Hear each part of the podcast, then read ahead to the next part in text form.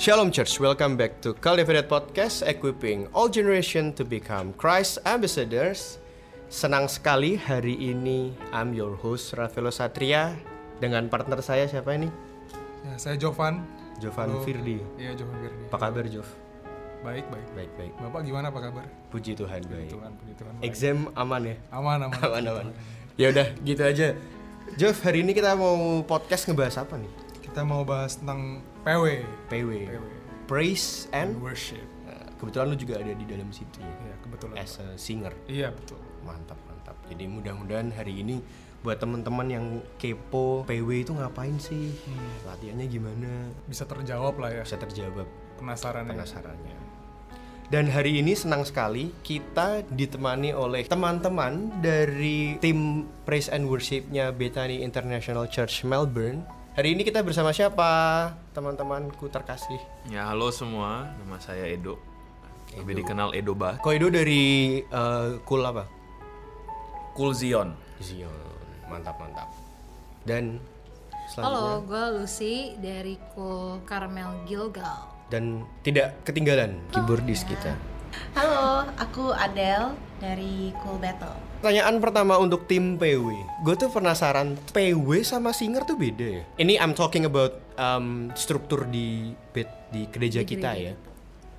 Perbedaan singer PW ya sebenarnya bukan perbedaan, cuman singer itu ya Punya ini di sendiri dalam gitu. PW sebenarnya. Tapi singer punya kayak kelompok sendiri gitu. Lebih clearnya mungkin, jadi uh, maksudnya kan ada pemain musik, penyanyi, penyanyi ya termasuk worship leaders, singers, dan itu sebenarnya untuk klarifikasi. Jadi semua pelayanan ini bawah naungan satu gereja namanya Gereja Bethel Indonesia masih di bawah under Pak Niko supaya selama ini kita mungkin bingung ya kita kayak gimana sih. Nah kalau untuk PW itu sebenarnya ada kepalanya lagi which is eh, namanya Departemen Prophetic. Nah, Oh, prophetic itu apa aja? Nah, ada yang di dalamnya tuh doa, ada yang namanya banner, yang tiup sangkakala, itu semua pelayanan prophetic dan ada imam-imam musik. Itu yang yang sering Om Johan em, juga dengungkan imam musik. Nah, imam musik tuh adalah tim musik sendiri, ada WL, ada singer atau slash vocals, ada plus choirs gitu loh. I see, I see, I see. Gue pengen tahu dong uh, selama COVID yang udah tiga bulan ini kayak kehidupan worship kalian gimana sih? Aku ngerasa kayak COVID tuh bener-bener ngetes kayak apa ya kehidupan worship nggak cuma tim PW ya kayak- tapi semua orang gitu Eh, di mana kita nggak ada kegiatan lain apakah kita bener-bener udah nggak bisa alasan lah sama Tuhan buat kita nggak saat teduh nggak ada kehidupan praise and worship itu di rumah jadi ya mungkin em, sama sih kayak orang-orang lainnya kayak benar-benar di di tes dan ya puji Tuhan sebuah grace ya sebenarnya kayak kita banyak waktu untuk lebih banyak waktu untuk um, cari Tuhan gitu jadi udah nggak ada alasan jadi buat aku pribadi me personally puji Tuhan a lot of time to seek the Lord gitu. Hmm. karena kan work from home semuanya di rumah jadi udah nggak ada nggak ada alasan. Dan jadi ini ya, jadi membuktikan bahwa worship yang nggak cuman physically waktu kita ketemu hari Minggu. oh iya iya, iya. Kalau Iya. Ibu Lucy saya mendengar bikin mesbah keluarga. Oh ya benar benar di dalam kita semenjak covid ya praise the Lord something yang sebenarnya kita satu keluarga juga kayak ke gereja kayak ya kita kenal Tuhan but we kayak never come as kayak a group of people gitu semacam kayak cool di dalam keluarga gitu like we pray now we have a prayer kayak every Monday night gitu. Kita make sure to spend at least 30 minutes uh, kita ya worship ya kita ya ini berdoa juga buat keperluan apa yang kita perlu doakan gitu. And it's still ongoing and which is something good gitu.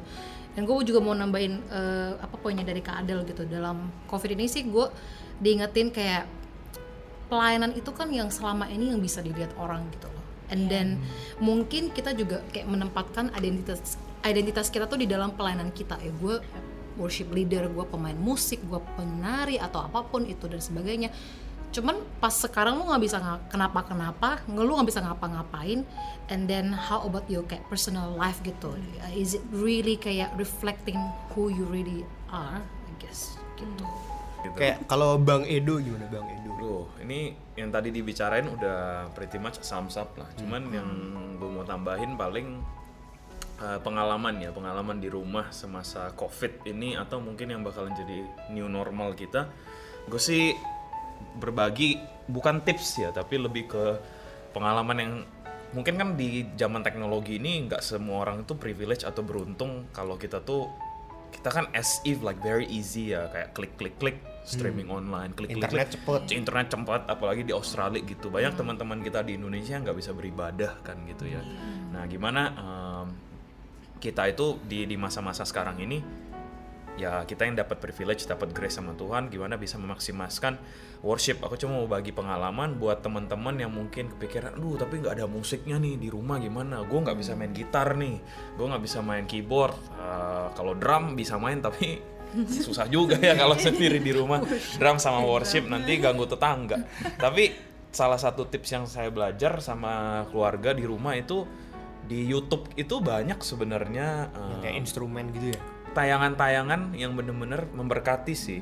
Kemarin kita ada tamu siapa Bapak Andi Ambarita gitu, itu di YouTube channelnya puter aja lagu jadiin saat teduh gitu loh. Iya, Jadi iya, iya. puter lagu doa, puter sambil nyembah bareng gitu loh. Ah, Iya, enggak, yang penting kan sikap hati gitu. Itu itu membantu banget lagunya bagus, musiknya oke dan kita ada internet puji Tuhan gitu loh. Kenapa Hmm. kita nggak maksimalkan itu? Juga ada eh, belakangan saya lihat sebut merek nggak apa-apa lah ya si eh, sering kalau nggak Bapak Andi Ambarita juga ada namanya saudara kita Yesua Abraham gitu dia punya video itu di memberkati dalam arti nggak cuma nyanyi tapi eh, tayangannya tuh juga less of him gitu loh jadi cuma kayak pemandangan aja ada liriknya dan juga ada ada instrumental worship free worship Mazmur dan juga ada di belakangnya tuh ada firmannya gitu yang lu bisa baca di di screen. Nah kayak gitu doang 10 menit itu bisa good start gitu loh. Kalau misalnya buat teman-teman yang bingung worship di rumah itu mulai dari mana ya gitu. Eh, if I can go back to the basic, um, what is the meaning of worship for you guys gitu? Maksudnya apakah tentang nyanyian tok ataukah apa? Worship itu apa sih sebenarnya? Kalau menurut gue worship whatever you do day to day kata firman Tuhan whatever whether you eat or drink do Itu it as if for ya? the Lord For the and Lord. that's worship gitu. Kalau kita kayak cuman mengkotak-kotakan worship kayak saat gue nyanyi doang, tapi sehari-hari sikap hati kita kita nggak bisa kayak reflect to what we're doing. Bukan berarti whatever you do is right, but sikap hati kita kalau kita di rebuke, will we repent kayak gitu, and that's worship for me personally kayak gitu.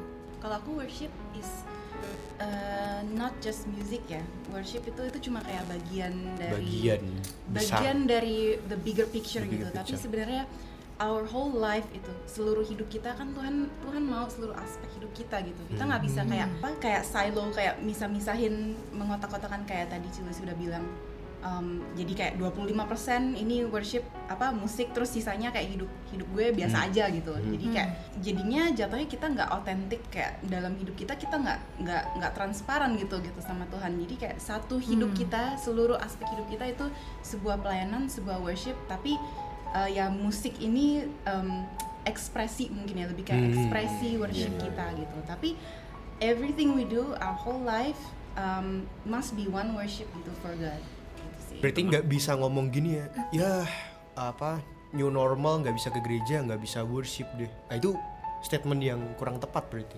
kurang lengkap kurang, Kurang lengkap, lengkap. iya mungkin mungkin itu benar tapi sebenarnya statement gitu kita juga harus ngelihat dari perspektif apa seseorang itu berbicara mengenai perspektif tersebut kan very very subjektif gitu lah Mereka worship itu. tapi ya balik lagi kita bicara tentang definisinya kan apa kalau misalnya seseorang itu mengertinya oh worship itu ya selama ini dia dibesarkan dan di lingkungan di mana wah worship itu nyanyi, Nyanyi. doang gitu loh. Band. jadi band doang jadi sudah sepantasnya lah ketika dia bilang wah udah nggak bisa worship lagi di apa karena nggak ada musik nggak ada band lagi gitu loh jadi ya itu ngomong-ngomong soal basic jadi harus benar-benar pengertian itu juga harus pembelajaran dan pengenalan akan Tuhan lah paling penting ngomong-ngomong basic. Dan juga di firman kan bilang worship in spirit and truth gitu loh. Jadi kalau kita lo tahu kebenaran juga akan benar. Jadi bukan menyalah-nyalahkan tapi lebih ke gimana kita me- membantu mengkoreksi satu sama lain supaya sama-sama lah uh, hidup good worship life gitu in spirit and truth yang penting. Sikap hati sih.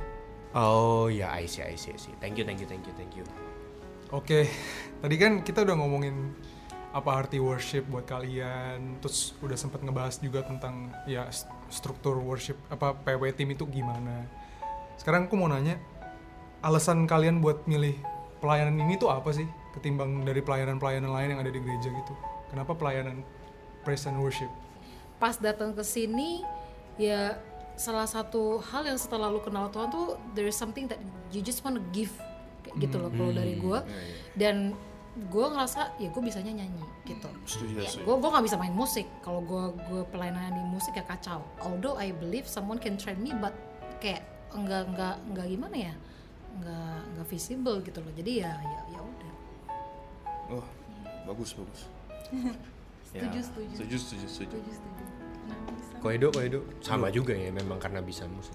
Mostly sih karena rata-rata kalau lu lihat ya statistik sih pasti gitu, jarang banget. Tapi ini ya oke lah jawaban gitu mungkin teman-teman banyak yang tahu. Cuman gue udah share dikit, ada juga ternyata temen-temen atau seseorang yang bermain musik tuh alasannya nggak gitu-gitu aja. Atau bukan alasannya tapi reasonnya kenapa cus di situ. Ada kayak kemarin gue gue sharing salah satu teman pelayan kita juga main musik karena tanda petik kepepet gitu. Dalam arti wih nggak ada orang nih dan dan ternyata seseorang ini memiliki apa hati yang Lord I'm ready use me gitu loh. Lo kalian tahu.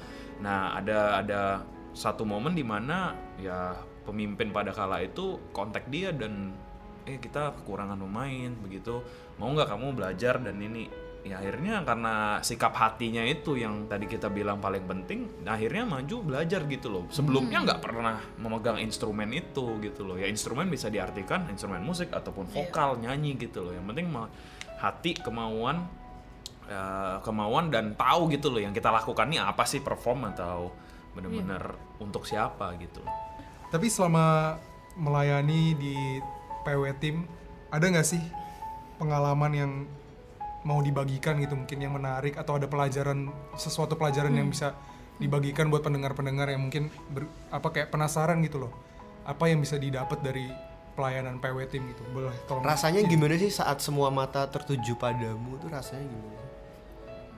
Ya apa ya? nervous nih Iya. physically gitu Enggak, yang aku mau tanya apakah benar semua mata tertuju pada kita? kayak orang merem deh orang merem deh iya gitu ya enggak enggak, tapi maksudnya in general aja sharing in general. gitu Apa Seberapa yang sering ya? Cilusi salah masuk kunci? hahaha Wah, pernah tuh gue inget si Lucy salah terus yang kena gue kan biasa lah pemain bass jadi Bassnya bagi- nih. WL katanya WL sama benar jadi ya gue nggak tahu deh Oh.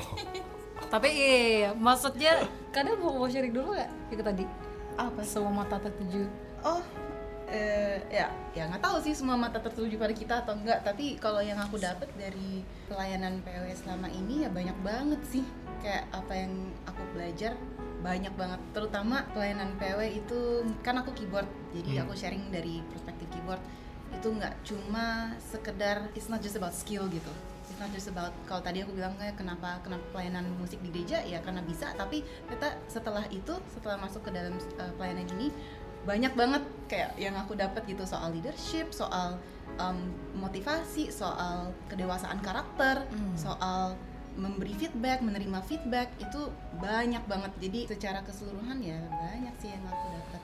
mungkin Lucy kan sebagai WL mungkin lebih appropriate tuh kalau semua mata tertuju Kalau- kepada gitu loh karena kadang most of the time juga musik tuh di belakang kadang juga Dan malah fokus ke itu ya. Eh, ke note. Kalian pakai note nggak sih? Enggak ya, udah enggak ya? not Udah ya ya notasi musik lah ya kita Udah pro. musik cuman cuman ya mungkin kalau semua mata tertuju kan WL kan biasa di garda depan banget gitu loh engage sama jemaat lah ya. Kalau kalau dari gue sebagai WL sebenarnya I don't know ya. Kalau mungkin gue orangnya juga kayak yang enggak yang introvert yang kayak aduh, orang lihat gue gue malu atau segala macam. Gue gue enggak enggak seperti itu to begin with before before all this gitu. Jadi I am fine. But yang gue mau sharing tuh sebenarnya kan istilahnya kayak semua mata tertuju pada lu. Wah, this is something Miss Universe tuh Iya, yang Miss kayak Universe yang kan kayak slogannya gitu yang kayak apa ya something great, something kayak keren banget gitu. Tapi banyak banget tuh behind the scene asam garam yang yang sebenarnya orang nggak lihat gitu dong. Dan it's where personally kayak I learn and that's where I grow. Gue gue mau share nih satu uh, pas lu tanya gitu adalah nggak pengalaman apa gitu gue keinget tentang choir. Dan gue WL tapi gue juga pegang choir. Nah there, there was this moment itu I feel like I wanna give up kayak there was this moment itu pas ada acara gede dan uh, lu tau lah yang KBBT itu itu muncullah hashtag muncul KBBT. hashtag Apa itu KBBT? KBBT. Kalau bukan buat Tuhan, gua quit. Kayak gitu istilahnya. Bener-bener kalau bukan buat Tuhan dan ya lagi tuh pelayanan kalau pikir gampang-gampang gampang on the day ya kayak gitu tapi behind the scene-nya cari orang, latihan, komitmen yang tadi Kak Adel udah ngomong um, dan how kita tuh kayak against the time kita latihan dan sebagainya gitu. Itu yang sebenarnya it's where you are being shaped and then lu tuh kayak dipertanyakan bener gak sih lu bener-bener mau di dalam pelayanan ini? Karena it's not just about yourself gitu it's about other people as well. Kayak gitu. Dan aku cuma mau nambahin dikit kalau semakin kita self centered dan semakin kita nervous semakin semakin mungkin kita juga harus self reflect gitu. Kenapa Iya. kenapa gue nervous gitu? yeah exactly Eh, kenapa kenapa Setuju, setuju. kayak kenapa jadinya self centered gitu. Padahal ini kan buat Tuhan. Padahal ini kan melayani jemaat juga. Jadi ya gitu sih. Bagus banget. Menarik sih berarti kan ini soal hati yang benar gitu ya Em, ada pertanyaan yang timbul kayak sebagai PW tim itu ada challenge untuk menjaga hati yang benar karena kadang kan ya balik lagi soal tadi jadi pusat perhatian orang-orang Karena di mimbar gitu Ah. mungkin ya. Jadi semua orang lihat depan. ya gitu kayak gimana sih kita sebagai pelayan Tuhan terutama di PW tim punya hati yang benar dan menjaga hati itu terus benar gitu loh jangan sampai suatu saat kayak terlena dengan pujian mungkin kayak gimana boleh tolong Um, kalau uh, hati yang benar menjaga gimana? Nah ini sebenarnya sedikit membagikan lagi. Kan kita kan di ranah BIC ya. Jadi tahun ini masuk new normal, ya old normal kita nggak pernah tahu gitu loh. Orang-orang banyak nanya, kapan lagi balik ke old normal kita sampai artinya kalau untuk konteks kita ya bermusik atau melayani Tuhan di panggung begitu ya kita udah nggak tahu lagi kapan tahun ini visi yang benar-benar nyangkut itu back to basic. Back to basic itu apa? Tapi jangan disalahartikan dengan sesuatu yang superficial atau biasa-biasa saja begitu loh. Karena em, ini penting. Back to basic tentang pelayanan musik itu apa, Jovan gitu. Kalau kita memang benar-benar mengerti pada dasarnya dan awalnya pelayanan ini untuk siapa dan pelayanan ini fungsinya apa. Nah, kita benar-benar tahu kita bisa ngasih yang the best dan sikap hati kita juga bisa dibenarkan gitu loh, diluruskan. Em, salah satu ideologi yang harus ditanamkan gitu tips. Ya tadi kan pertanyaan tips buat sebuah pemusik itu bener pemusik atau imam-imam musik lah kita bilangnya termasuk yang yang di mimbar tadi ya. Itu pengenalan akan Tuhan. Kalau seseorang mengerti ya mengerti banyak banget eh, kemarin kalau saya belajar tentang apologis gitu ya kayak dari Bapak Pendeta Raffi Zakarias dan sebagainya banyak ada yang pertanyaan kayak kalau memang semua orang belajar mengenai Alkitab mengerti tentang Alkitab tetapi kenapa banyak dari mereka juga yang masih uh, percaya. tidak percaya kepada Tuhan gitu nah itu makanya yang saya mau tekankan itu banyak orang yang bisa belajar teori banyak orang yang bisa belajar even Alkitab pun sendiri. Tapi kalau memang dia nggak ada pengenalan akan Tuhan secara pribadi dia nggak akan bisa connect gitu loh dengan apa yang dia lakukan. Jadi semuanya based on schedule, based on roster gitu loh. Di mimbar itu bukan cuma talenta doang. Kalau kita mau talenta doang mah kita festival gitu loh. Kalau mau adu talenta, kitanya di mimbar juga talentanya nggak masih banyak banget yang lebih jago dan lebih hebat gitu loh kayak, di kayak luar. gue lah Ah, apa tadi lewat? Iya. Jadi masih banyak lebih jago. Jadi anggapannya begini, kalau mau menjaga hati soalnya ya satu kita evaluasi aja diri dulu. Nah, banyak yang lebih jago kalau mau somong-somongan ya Iya. jangan begitulah karena kita tahu harus mengerti pengenalan akan Tuhan yang kita layanin siapa, tapi jangan disalahartikan oh jadi kalau pelayanan sama Tuhan tuh biasa-biasa aja gitu. Ya enggak juga kalau lu tahu yang lu layanin tuh raja di atas segala raja, lu kasih yang the best. Lu tahu Trans TV kalau ulang tahun latihan orkestranya berapa lama? enggak Nah itu lama bisa berbulan-bulan. Itu aja buat penonton lama? ya. Buat penonton, buat manusia doang gitu loh. Nah kita siapa Iya. yang maksudnya bisa bilang, oh kalau buat manusia doang, buat penonton, orang mempersiapkannya itu Iya. sematang mungkin dari segi teknikal. Gue yakin juga mereka segi tim ada sisi spiritualnya juga kita nggak tahu. Pun mereka bisa serius banget. Nah kita, apalagi kalau kita kenal Tuhan yang kita layani itu raja di atas segala raja dan benar-benar gak ada lagi yang the Iya. best bisa ya harusnya kita bener-bener ngasih yang the best. Tapi back to basic itu pengenalan akan Tuhan kalau nggak nggak nggak tick the box misalnya kita bilang itu belakangan tuh jadinya kepaksa dan nggak bisa come naturally Jadi gitu loh. iya. Amin, amin, amin. lama-lama lama-lama kelihatan sih kalau misalnya seseorang tuh kayak pelayanannya tuh based on skill aja gitu. Yang yang dia ngerasa kayak this is uh, what I can give gitu kan. Cuman nggak ada pengalaman. Kan dibilangin di ya Yohanes 4 itu gitu loh. Uh, kita menyembah Tuhan Yesus bilang akan saat tibanya tiba saatnya orang tuh akan menyembah di dalam roh dan kebenaran gitu loh. Dan sering kali kebenarannya itu kita ilangin gitu loh. Orang cuman kayak yaudah I have a good spirit kayak I have that burning passion to kayak serve the Lord but we don't have any kayak solid foundation for us to stand gitu loh. And the end ya kata firman Tuhan kata kayak kalau kalau banjir itu datang air hujan ya fondasi kita nggak benar ya kita roboh kayak Iya, gitu iya, iya, iya. Iya kayak kayak covid sekarang kalau fondasi kita kalau pengenalan kita sama akan Tuhan nggak nggak kuat kita nggak ada close relationship with Him belum pernah personal encounter sama Tuhan begitu kayak gini terus kita nggak ngumpul-ngumpul di gereja nggak ketemu kayak em, eh, Iya. sesama anak Tuhan bisa-bisa iya lama-lama Nguap. iya Iya, iya. Jadi itu sih Terima kasih, terima kasih, terima kasih. Uh, now I wanna talk about behind the scene-nya kalian nih. Um, kalau sebelum pelayanan, kalian tuh kalau latihan satu hari, kalian punya kayak, oh bulan ini, ini I'm talking about sebelum covid berarti ya. oh oke. Kayak berarti kalian punya kayak yuk yuk tiap rebu kita kumpul buat latihan ya atau apa atau Oh, ada ada. Em, sebenarnya pertanyaan yang bagus dan kita memang tahun-tahun ini sebelum new normal itu di kalangan gereja balik lagi gereja kita orang-orang sendiri kita mah terbuka aja. Memang kita sedang develop ya namanya kesatuan hati antara tim member juga begitu loh. Karena satu lagi selain yang pengenalan akan Tuhan tadi yang sangat penting kita kan bermain atau melayani secara tim ya bukannya sendiri-sendiri.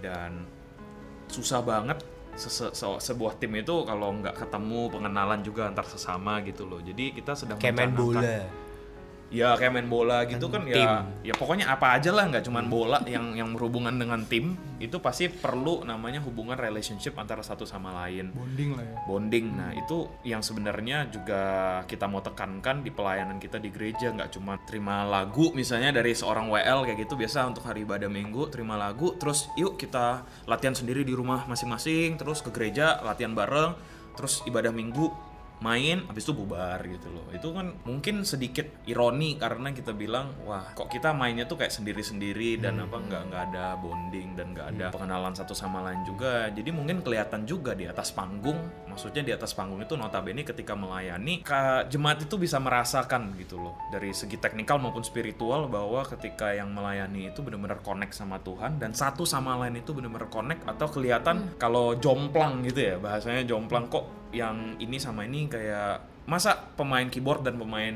drum misalnya lagi musuhan di panggung atau nggak ngomongan gitu loh. Itu penting banget mempengaruhi ke skill secara tim ya technical kualitas secara tim.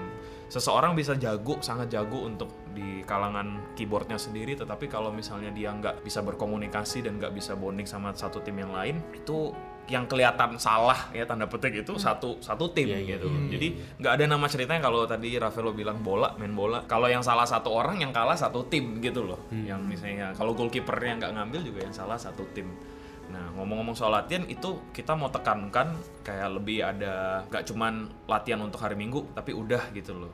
Di promosi lagi. Promosi program tahun ini itu kita mau ngebuat eh, di mana yang melayani juga itu harus sama-sama melayani hari Minggu itu sama-sama juga melayani di menara doa minggu tersebut gitu loh. Jadi kalau misalnya ya kalau balik dulu old normal itu kan kita di hari Selasa ada tim musik melayani juga Iya. eh, visi kita itu pengennya yang melayani hari Sabtu which is latihan untuk melayani hari Minggu juga udah sama-sama dulu masuk menara doa menyatukan hati menyembah bersama-sama secara tim di hari Selasa tersebut sehingga ketika waktu Sabtu sebelum Sabtu pun mereka latihan di rumah masing-masing udah kebentuk itu loh oh Siap. nanti gue sama yang lain begini sama yang bareng-bareng gitu loh dibanding langsung oh dapat lagu ketemu Sabtu terus besok main gitu loh. Hmm. itu harapannya itu itu visi lah ya namanya visi Ya ya menarik menarik. Jadi gimana gimana aku pengen tahu dong uh, kita tuh ada MD nggak sih kalau di BNC ada. lah ya. ada Jadi MD apa? itu musik director ya by the way. Kepanjangannya begitu.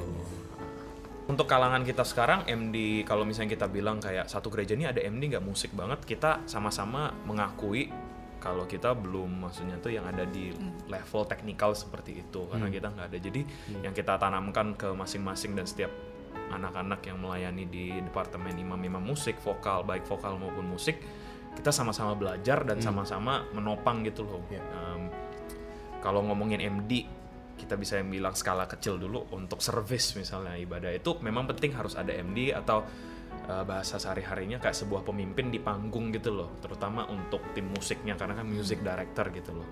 Yang pakai earphone bukan sih? ya itu pakai earphone itu jadi music directornya bahasa sehari-hari bisa kasih tahu eh abis ini mau ke mana mau ke mana gitu loh. Gue jadi pikir kayak eh gue lapar nih kayak enggak ya enggak. nah itu mungkin kadang-kadang kita juga berbicara seperti itu kan tidak pernah kedengeran Iya, kan kita nggak tahu ya. Iya. Kan kita nggak Aku tahu. juga ya. nggak tahu sih itu misteri Oh, WL nggak ada. WL belum Oh. belum untuk ada saat ini belum Nah, jangan disalahartikan juga berarti eh, oh suka gosip ya di situ ya nggak juga tapi maksudnya itu fungsi dong.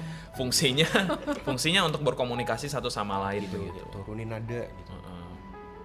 iya penting banget supaya nggak bentrok begitu loh itu MD untuk sebuah ibadah Lah, misal, jadi kalian tuh kalau prepare udah kayak dua minggu sebelum gitu tentuin lagu dua minggu sebelum atau?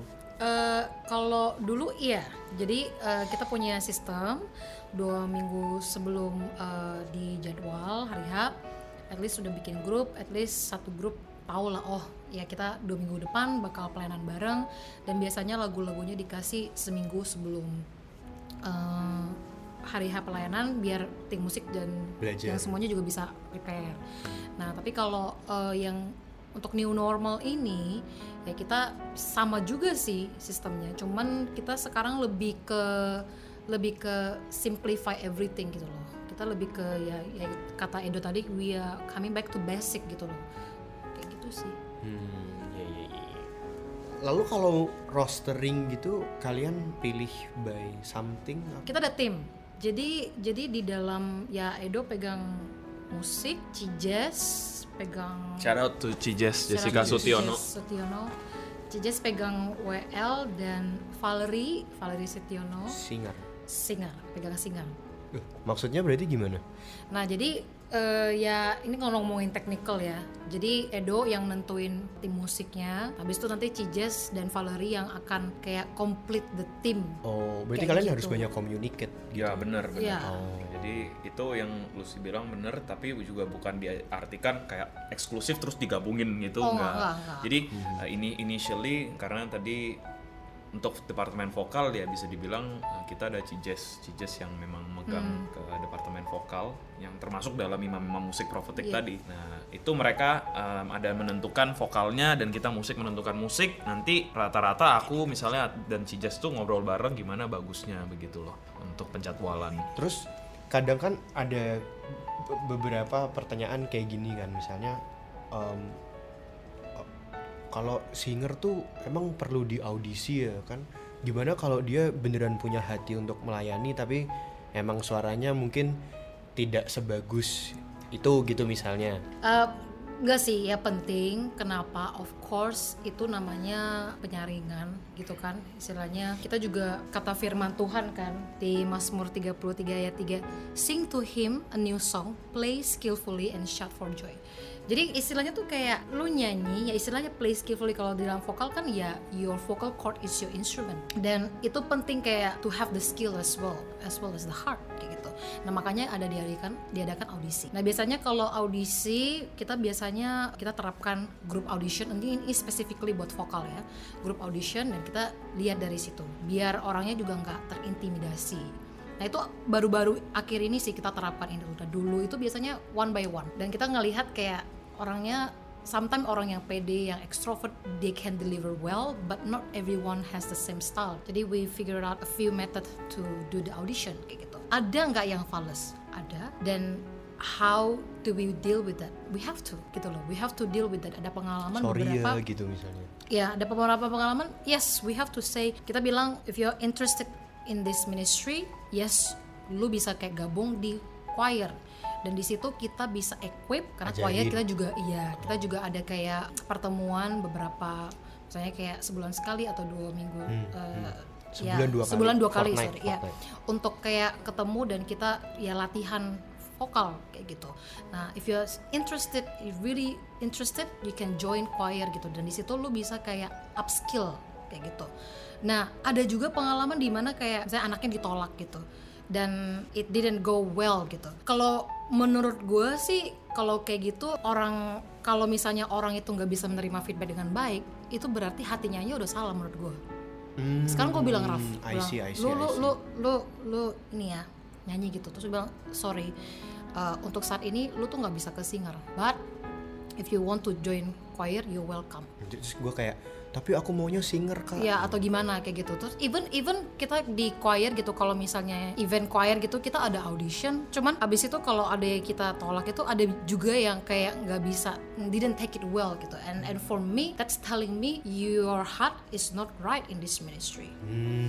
That's me personally gitu. Kipas lu sih dulu. pelayanan Ya. nggak harus di mimbar ya benar ya tapi ya ya sebagai dari kita orang-orang yang kayak ngehandle ini kita juga punya eh, ya kita belajar lah how to actually deliver this kayak in a better way kayak gitu ya ya we we're learning every day ya, kayak ya. gitu amin amin Tapi bukan berarti gitu. jadi eksklusif. Maksudnya aku aja dari keyboard aku pengen pelayanan singer, aku aja masih audisi gitu. oh ya Maksudnya kadang-kadang itu juga fungsinya biar Jazz sama leader-leader singer sama WL lainnya biar tahu nanti walinnya gitu sama Benar. suaranya, warna suaranya, karakter suaranya tuh Benar. miripnya sama siapa gitu nanti em, supaya mereka juga bisa lihat gitu. Jadi klarifikasi lagi. Wah, ini kayaknya momen-momen em, sebenarnya klarifikasi atau bahasanya cuman pengen ngelurusin aja Eh, buat buat begini jangan disalahartikan yang Kak Adel bilang oh berarti apakah gereja ini cuma cari orang yang udah bisa gitu loh. Apa kita cuma berdoa?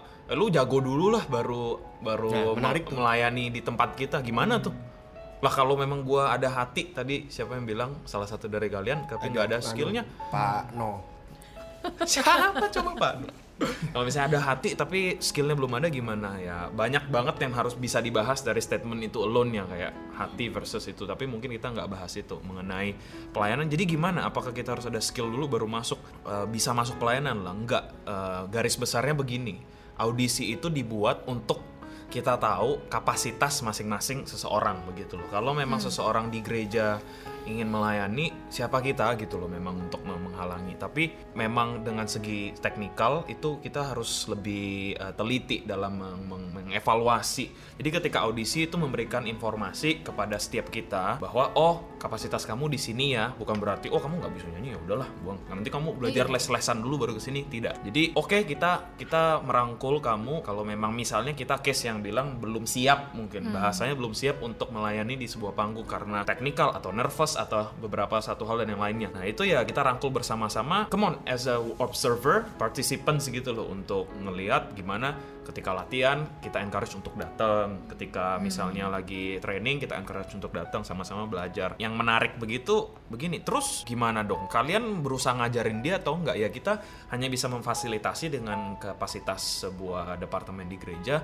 kita ada training begini. Karena Iya. kita kita terbuka aja ngomong kita juga bukan kursus gitu di sini. Kita bukan tempat les-lesan. Jadi nggak bisa memang kita mengexpect untuk bisa mengajarin satu orang dari bawah banget sampai atas. Ya kita berdoa kita mempunyai sebuah spesialisasi departemen tersebut in the future ya. Which is di mana banyak uh, gereja-gereja yang membuka pelayanan departemen kayak bener-bener sekolah uh, musik gitu ya. Nah ingat yang tadi kita bicara tentang back to basic itu sangat relevan banget. Kalau memang pengenalan kita akan Tuhan ada, itu seseorang mau nggak mau harus, oh gue nggak bisa di sini aja gitu loh. Kalau memang kalian ditaruh sama Tuhan hatinya untuk melayani di bidang musik, di bidang vokal, eh, di mana pun lah itu, kita nggak bisa yang settle dengan cuman yang gini-gini tok gitu loh. Kemarin beberapa waktu yang lalu ada sharing mungkin kalian juga tahu tentang containment. Nah tentang containment itu Puasan. gimana? Kita konten dengan biasa-biasa aja atau ternyata itu tanda petik males atau itu alasan kita untuk excuse kita lari. Aduh, gua sebenarnya repot kalau kalau mau banyak ngeles lagi belajar sendiri gitu. Iya, Aduh, iya, ini iya. resources unlimited lah. Kita di iya, balik lagi privilege di YouTube ada semua. Kalau kita Iya. mau belajar pasti bisa. Nah, kenapa orang seseorang mau belajar? Banyak alasan. Kalau pertama kita oh dipaksa orang tua sekolah mau nggak mau. Tapi ada juga yang itu timbul dari hati pengenalan akan Tuhan itu dari spirit tuh mau nggak mau. Aduh, gue harus ngasih yang the best nih. Kalau di luaran aja ngasih yang the best buat manusia-manusia biasa, apalagi ngasih yang ke Tuhan. Kita pasti ada timbul kesadaran dan spirit itu Roh Kudus yang manis pasti gerakan hati kita. Ayo kamu belajar dan kamu beri kekuatan yang memberikan kita kekuatan untuk mau upskill kita terus supaya kasih God tuh the best gitu loh. Nanti suatu saat kita bilang God I'm keep trying my best to actually give it to you gitu loh. Roh Kudus pasti bantu itu uh, kasih kasih kemampuan. Nah itu terlepas dari kursus di gereja ama enggak ya itu lumayan jawabannya supaya teman-teman kita juga punya responsibility masing-masing untuk belajar terus gitu loh. Tapi balik lagi kalau memang kita nggak kenal akan Tuhan, ngapain ngabisin waktu belajar untuk main musik terus di gereja apa sih dapat apa-apa? Nah itu juga udah problem di sikap hatinya lagi gitu loh. dan itu berlaku buat pelayanan apa aja ya Sebenarnya, bukan bukan, iya. bukan cuma PW aja misalnya Iya, iya. kita gembala di cool misalnya kalau kita mau memperbaiki sharing kita itu Iya, juga iya. kayak kayak Setuju, setuju, setuju. Bener-bener. Segala departemen sih, cuman mungkin kebanyakan kita di satu ministry yang PW aja yang sangat lumayan teknikal, kadang kita Iya. tuh forget about it Iya, gitu loh. iya. Makanya banyak banget complacency atau toleransi di departemen-departemen lain tuh juga makin ini makin eh, tanda petik menjadi gitu loh. Maksudnya karena oh yang penting hati, yuk kita melayani. Padahal ada hati. Iya, Tuhan lihat hati lo. Ya, kalau untuk musik udah pasti Manusia wrong gitu loh, nggak gitu juga. Ya udah, Raf lu chef kalau pakai hati Wah. gue suruh bake gimana? Bake cake gitu kan, nggak bisa juga. Semuanya harus ada yang dipelajarin begitu. Iya, iya. Nah, jadi kita berharap ya kita khususnya tim PW kita bilang technical itu penting juga sama spiritual. Naturally lah, Kang. Oke, sekarang aku mau nanya nih. Tadi sebenarnya udah sempat disinggung-singgung dikit lah tentang visi tahun ini. Misalkan new normal ini tidak ada. Dan let's say misalnya nggak ada COVID dan visi tahun ini tuh terjadi. Ada nggak sih rencana ke depannya yang udah dipikirin gitu? Mungkin ya singkat aja sih, secara gambaran besar yang kita mau coba lakukan itu adaptasi sih. Maksudnya visi yang lalu yang udah Tuhan berikan, yang kalau waktu di awal tahun mau kita dapat sama Tuhan. Kan kuat ya lumayan yang visi tadi. Back to basic lah uh, memperkuat satu sama lain uh, masuk menara doa pelayanan bareng-bareng. Waktu ya kita mau coba adaptasi di new, nor- di new normal ini bagaimana? Itu sih secara simpelnya. Sama sih kayak tapi mungkin lebih kayak build a group of people yang benar-benar lebih komitmen lagi gitu loh. Secara kan ya namanya manusia we want to be a better person ya. Hopefully ya vision yang di small group ini ya semuanya ada maksudnya maksudnya kayak di dalam PW itu semua orang punya visi yang sama untuk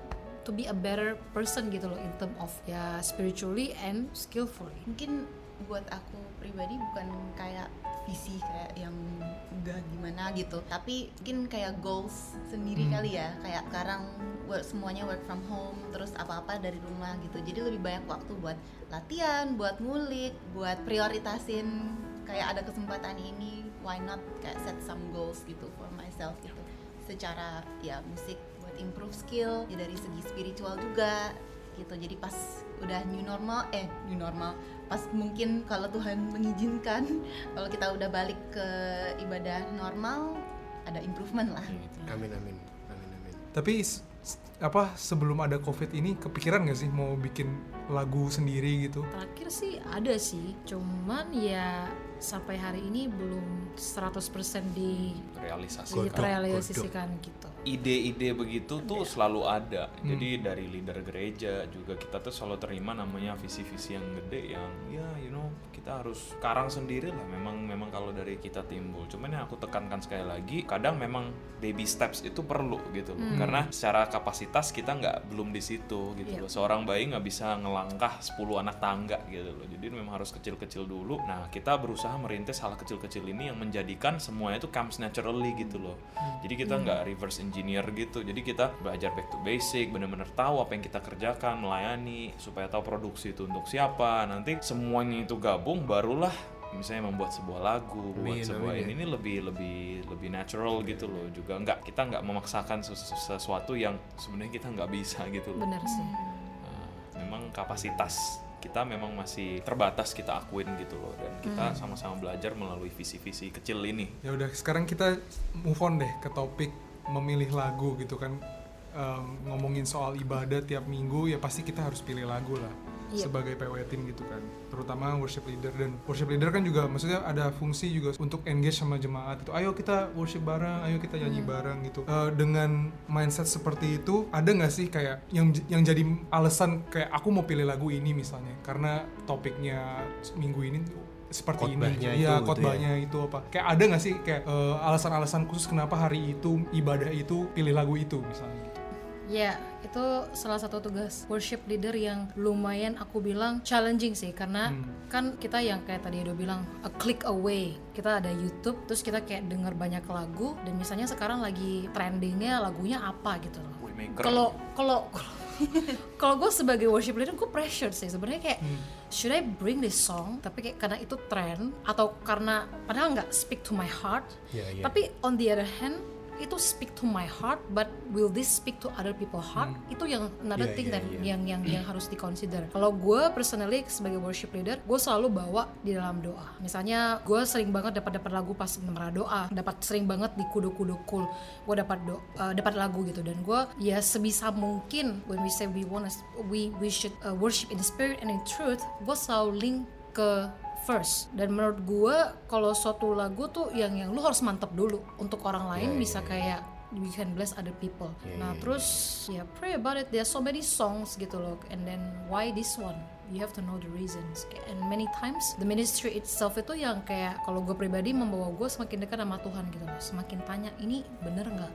Ini oke nggak? Gitu sih. Aku waktu itu pernah terberkati sama Cilusi ini, Jov. Apa? Now my soul oh iya ya Bagus ya, bagus. itu itu juga pergumulan sih. Lagu itu kan nggak pernah dinyanyiin kan sebelumnya. Nah itu tuh yang kita lumayan insight itu banyak rules sebenarnya kalau lagu baru banget. Meskipun sering didengar tapi nggak gitu pernah dinyanyiin sebenarnya tidak perlu dinyanyikan di ibadah gitu. Cuman kan gue kayak ngerasa ya gue bawa dalam doa ini oke nggak lagunya gitu.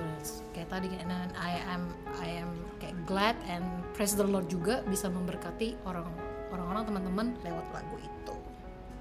Kalau talking about kritik gimana sih mengkritik? Misalnya kayak Edo kan jago main bassnya, terus tapi dia kayak jangan jangan jangan nanti kecewa drumnya gebuknya yang digebuk bukan drum tapi tembok misalnya. kayak kayak gimana sih ngeritik yang yang apakah lu ah, lu gimana sih tadi mainnya atau kalian ini nggak enakan orangnya? Apa tahu ada yang di dalam kalian kayak aduh sebenarnya dia tuh ya biasa aja skillnya tapi udahlah nggak enakan gue. Hmm. Ya it- mungkin itu balik lagi ke kedewasaan karakter masing-masing sih ya. Penting banget buat kita be mindful pertama. Aku kurang suka kata kritik karena siapalah kita untuk mengkritik sesama skill kita juga apa adanya gitu feedback ya lah feedback Iya, feedback, Atau mungkin feedback, malah atau meng-encourage gitu. encouragement. Hmm, encourage. Caranya balik lagi ke motivasi kita sih. Kenapa kita negur atau kasih encouragement atau feedback ke orang itu gitu. Kalau kita ngegas gitu emosi ya, mungkin itu motivasinya salah. Tapi kalau ya. kita mau membangun, saling membangun gitu, saling mengencourage, aku percaya naturally cara kita ngomong, cara kita menyampaikan feedback itu nggak akan kasar gitu, nggak akan menya- kita menyampaikan with love gitu sih. Mungkin ada yang mau sharing? Kalau gue mungkin lebih kayak misalnya kalau gue pilih lagu kan the, biasanya gue kasih reference misalnya certain link YouTube gitu kan. Kan satu lagu banyak banget kan versionnya.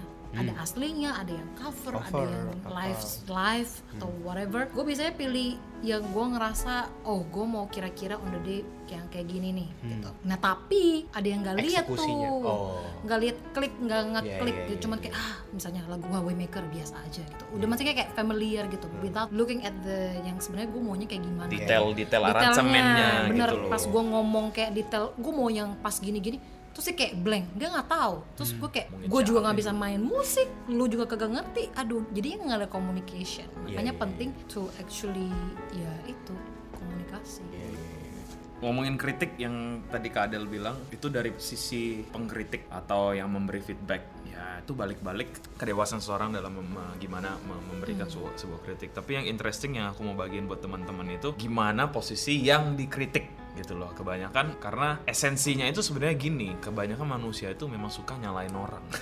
Mencari sebuah apa kayak pelarian gitu loh. Terus kalau misalnya dikritik keras banget gitu. Yang kita salahin tuh bukan kenapa kita dikritik tapi kebanyakan kita sering nge- yang kita fokuskan itu kok dia kritiknya kasar banget sama gua? gitu loh. misalnya gitu. Atau jadi kita tuh sering cari bukan nge-introspeksi diri kita cuman kita nge-cari dulu. Dia marah-marah sih ada yang salah nih sama dia. Tanpa kita ngecek dulu ya kenapa kita dikritik. Bukan berarti aku di sini membenarkan sebuah kritikan yang super kasar super pedas ataupun hal sebagainya. yang mau aku tekankan itu penting buat kita itu self assess selalu self assess sebelum kita tuh nge, nge, nge- put the blame on other people gitu loh. In any case again gitu loh in any case. Jadi ngelihat dulu apa sih yang sebenarnya bisa kita benahin dan itu berfungsi nggak sebenarnya untuk kita dan ke kemuliaan Tuhan juga gitu loh. Jadi bener-bener sikap hati yang ngeritik that's one thing. Sikap hati yang dikritik itu Another juga that's thing. another thing gitu loh. Karena yang kita bisa somehow kontrol itu kan kadang kita aja diri kita aja. Kita nggak bisa kontrol apalagi kita mau berusaha ngontrolin orang lain. Jadinya debat. Ya kita kontrol aja yang bisa kita kontrol which is ourselves Uh, gimana kita menanggapi sebuah kritik itu pengenalan kita akan Tuhan balik lagi dengan sikap hati meresponi oh ya udah.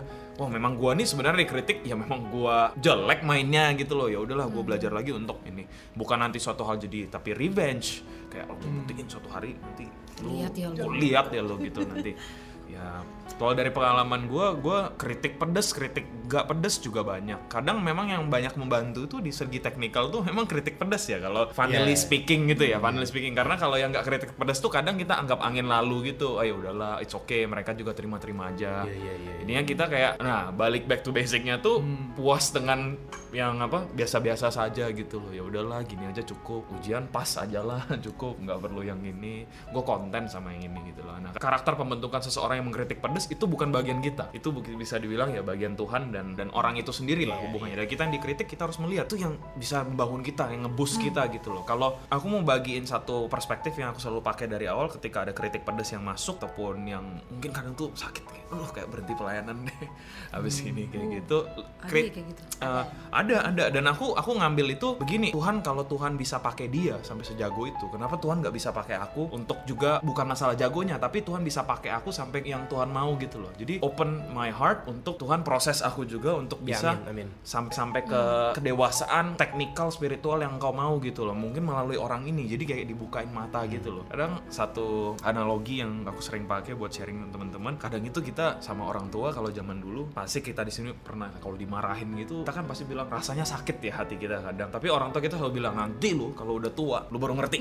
Nah gitu. Terus kita enggak enggak ini tapi gue sakit banget ini ini ini ini. Ya terlepas gimana sakit kasarnya juga mungkin ada yang kelewatan ya itu bukan diskusi intinya. Cuman suatu hari kita mengerti oh bener ya waktu itu yang dibilangin itu tuh untuk kebaikan kita juga. Bener, bener. Uh, nah again aku di sini bilang fokusnya terlepas dari karakter orang yang mengkritik yaitu bukan yang esensi yang lagi dibahas di saat ini tapi ini benar-benar masing-masing sikap hati. Jadi kalau kita apply konsep sikap hati ini ke masing-masing orang yang pengkritik pun juga bisa. Mungkin cara menyampaikannya lebih benar kayak yang tadi Kak Adel bilang gitu loh ya. Kita sama-sama belajar lah di sini. Iya. ini cuma sekedar side track aja.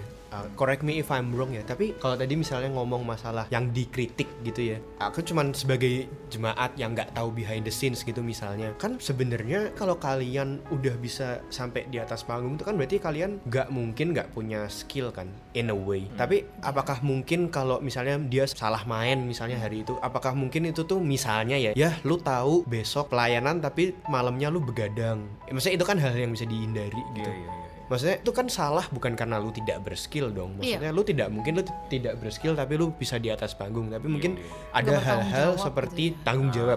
Iya, iya Bisa aja. bisa, bis- jadi. bi- bisa jadi banyak kan banyak case banyak case ya, tapi kita kan nggak tahu ya, we're not spy, like we, Iya, we iya, don't we don't check. balik lagi lah kalau konsepnya Iya. seseorang lu tahu yang lu mau layanin tuh besok Tuhan raja di atas segala raja Benar. dan lu Benar. udah pasti siapin yang terbaik lah Iya, iya, dari iya. kapan-kapan pun dari Sabtu Benar. dari mau hari apa pun nah kalau memang seseorang banyak juga sih yang kita lihat kayak responsibility-nya kayak merasa kayak wah menganggap enteng oh pelayanan Iya. main musik udah kayak jadi gimmick gitu loh gue bisa kok skill doang gitu loh. nah itu yang pertanyaan balik lagi mungkin mengenalan akan Tuhannya memang apa- bukan kurang juga mungkin bisa jadi kurang atau kedua bisa lagi mungkin lagi tumpul atau dari dalam masalah pergumulan kita juga nggak ada yang tahu gitu loh Ini cukup menjawab pertanyaan kita yang selanjutnya sih soal apa hal yang penting kalau saat kita melayani sebagai PW tim ya. Tadi kan sempat disebut soal responsibility of course lah sebagai tim harus responsible sama yang lain dong. Datang latihan semua on time dia telat kan ya telat gitu, ngomongin tidak telat tidak baik juga kan maksudnya. Kalau ada yang telat, gue sih tetap lanjut. Sebagai tim gitu ya. Apa sih hal yang paling penting melayani sebagai tim? Mungkin rendah hati kah atau saling mengerti satu sama lain kah atau apa? outing bareng gitu mungkin Ya ya mungkin gitu. Apa yang penting ya bonding penting banget sih. Kerasa kalau kita main sama orang yang kita emang main bareng di luar Hmm. pelayanan gitu. Menurut aku juga penting buat kita punya a servant heart.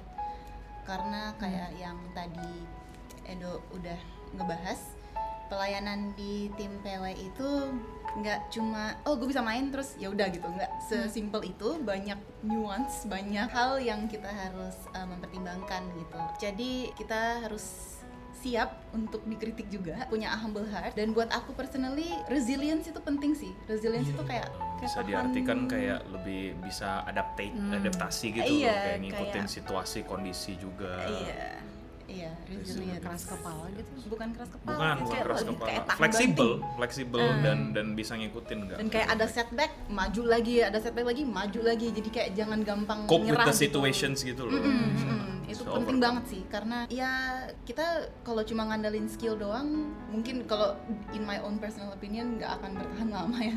Uh, karena capek ya. Bisa kalau dari ngandalin kekuatan sendiri karena buat aku tim melayan pelayanan di tim PW itu butuh komitmen yang sangat serius gitu takes time untuk kalau mau serius ya untuk ngulik lagu untuk latihan untuk ngasih yang terbaik itu nggak bisa overnight butuh proses dan butuh komitmen butuh effort Iya. gitu. di tadi ngomongin ngulik tuh maksudnya kayak aransemen gitu kak Adel atau gimana ya Eh, iya ngulik kayak belajar aransemen gue merasa terberkati banget nih Jov Hmm. oleh podcast hari ini. Iya, Lu gue juga nih Dulu gimana? Bagus nggak hari ini podcastnya? Belajar banyak nggak? Iyalah, kan maksudnya sebagai salah satu part dari, maksudnya kan gue juga singer, Hmm. ya lumayan dapat banyak insight lah dari Hmm. para senior senior. Cici-cici dan koko-koko. Terima kasih bimbingan. Terima kasih Mimi. Sama-sama. Untuk menutup nih, tadi kita memang sudah discuss di awal juga tadi sebelum podcast maksudnya kayak even though ini kita Melbourne hari ini Juni 2020 aturan belum diis masih agak strict dan kita belum bisa balik ke gereja normal. Tapi seandainya ada anak-anak yang mau aku kok mau ya punya hati buat ikut ke pelayanan singer atau PW gitu maksudnya ada nggak sih tips atau misalnya yang yang jelas harus ikut kom dulu nggak Yes. Yes, Itu karena ge- generik sebagai kita Iya. gereja salah satu regul apa peraturan yang- peraturannya. yang, harus ditaati dan dipatuhi lah dengan secara seksama. Iya. Tapi kayak di luar itu ada nggak? Maksudnya mau mau di sharingkan atau kalau ada yang mau ikut pelayanan ini boleh? Boleh, kita welcome. Tapi kan back again ini lagi masa-masa sulit di Melbourne gitu ya. Untuk physical uh, gathering nggak bisa kan. Jadi for the time being yang mau pelayanan bisa mulai dari com kayak tadi. Com is online, Zoom, so you can use the the time wisely to set your heart right, know who you want to serve, who you serve gitu. Dan juga for the time being kalau memang ada kesempatan ya kalau mau vokal ya nyanyi-nyanyi aja di rumah gitu kan. Ya, that's that's salah satu hal yang gua kasih tahu ke anak-anak vokal yang lain adalah karena gini, kalau lu nggak biasa nyanyi, tiba-tiba lu disuruh kayak pelayanan gitu, lu bakal kagok banget gitu. You you you skill skill wise lu lu nggak siap. Sama lah gue yakin yang pemain musik juga sama lu tiba-tiba lu vakum lu bener-bener nggak pegang alat musik lu for I don't know for months and then suddenly ntar kita back to normal lu main ya di main gitu kan Kagok. lu kagok sih gue bilang. Jadi untuk yang pemain musik juga ya kalau memang ada privilege ada keyboard atau apa di rumah ya latihan aja belajar. Semua itu dari terbiasa ya.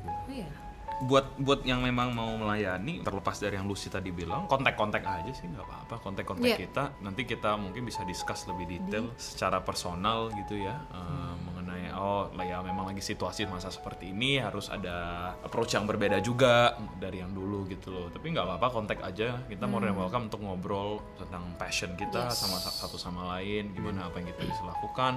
Terpenting ya gimana kom itu salah satu. Itu penting banget harus ngelihat kom itu bukan cuman kayak tick the box gitu loh that's it. Aku ngeten Yeah, kok no, itu yeah. tadi basic yang pengenalan akan Tuhan tuh di situ gitu loh. Kalau memang gak mengerti siapa yang kita layanin apa sih arti itu pelayanan dan core-nya tuh kan centernya tuh Christ Tuhan gitu loh dari semua aktivitas yang termasuk pelayanan. Jadi kalau itu terlewatkan tuh berat banget sih untuk masing-masing nanti ke depannya bukan ke siapa-siapa cuman ke diri kita sendiri juga. Hmm. dan kayak tadi aku bilang juga kalau kita harus punya resilience itu di dalam pelayanan PW khususnya ya itu balik lagi ke relationship kita sama Tuhan juga sih. Kayak sikap hati kita juga. Apa untuk develop ourselves di dalam tim PW kalau kita misalnya kayak gampang tersinggung atau apa Iya, kayak balik iya. lagi ke hati kita gitu. Karena we will encounter that gitu di, Hmm. di tim PW jadi penting banget kita melayani dari pengenalan kita akan Kristus bukan dari kekuatan sendiri gitu sih. Basically kom ya kelas sebelum lu bisa melayani lah ya. Hmm. karena kan takutnya kalau asal melayani baru seminggu tiba-tiba orangnya ngilang kan lucu juga nanti tiba-tiba kalian pernah nggak sih eh, terutama WL gitu terus tiba-tiba nyanyi lagu yang ran- bukan random ya apa maksudnya nambahin lagu sendiri gitu Oh di atas. pernah Pernah. Pernah. Eh, perasaan pemusik gimana Perasaan pemusik kayaknya terhianati deh. gue gak ngasih tahu. Soalnya tiba-tiba gitu ya ya, gue belajar kayak ya harus lihat kondisi juga again. Hmm, hmm. Kita nggak bisa selfish. Kalau memang kita tahu pemusik yang bisa itu common song go for it tapi kalau misalnya gue tiba-tiba kayak terilhami lagu jadul super terus kayak misalnya yang main milenial gitu kan kan nggak tahu gitu kan jadi dia harus wise juga sih tapi kalau kadang yang kayak gitu-gitu gue biasa di marah doa sih Hmm. Yang gue I don't have a set song gitu. Cuman paling gue Iya, iya, iya, lagunya satu besok lu main di mana gue ngeflow ya. Gue selalu Iya, ngomong iya, iya. ke keyboardist gue ngeflow ya I don't have a set song list gitu. Ya sekarang pertanyaan default lah ya. Pertanyaan default. Cultivated Podcast. Ada nggak sih lagu favorit? Boleh dari Kak Adel mungkin. In general aku suka lagu Oh come to the altar. Bawain dong hari minggu. Maksudnya minggu pas kita udah bisa ketemu lagi. Itu pas kita catch up. Pas kita boleh boleh. Elevation Worship belakangan gue juga lagi dengerin sih enak-enak lagunya memberkati. Kalau Celu sih? Kalau aku lagi suka symphony worship yang ngulik lagunya Paniko yang lama itu ya. Oh, I, I don't have yang pagi Iya. ini dibawain ya? Iya bagus sih. Gitu ya ya ya, ya. bagus sih. Iya, jadi iya, lagu-lagunya yang kayak suit the soul but speak juga in truth gitu. Gue paling nggak suka lagu kalau misalnya kalau nggak ada Tuhannya tuh itu bisa kayak dulu nyanyiin buat Iya, pacar lo iya, gitu. iya, iya, iya. ya that's for me ya salah satu gue personally nyaring lagu itu. Kayak gitu.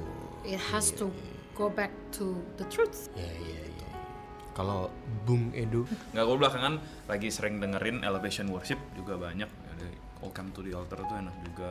Sebenarnya karena juga ngeliat videonya cara mereka live worship session konser tuh gimana gitu loh. Dan gimana jangkau banyak orang itu salah satunya Here as in Heaven. Here as in Heaven itu lagi current favorite juga amin amin by amin Elevation Worship Oke, terima kasih banget ya sekali lagi tamu-tamu kita hari ini sangat memberkati. plak plak plak plak plak Kak plak Adel, Celusi, Koedo, ya, kita juga thank you. thank you Iya, terima kasih juga buat teman-teman di rumah yang mendengarkan. Jangan lupa terus dengerin kita juga di Spotify Cultivated Podcast.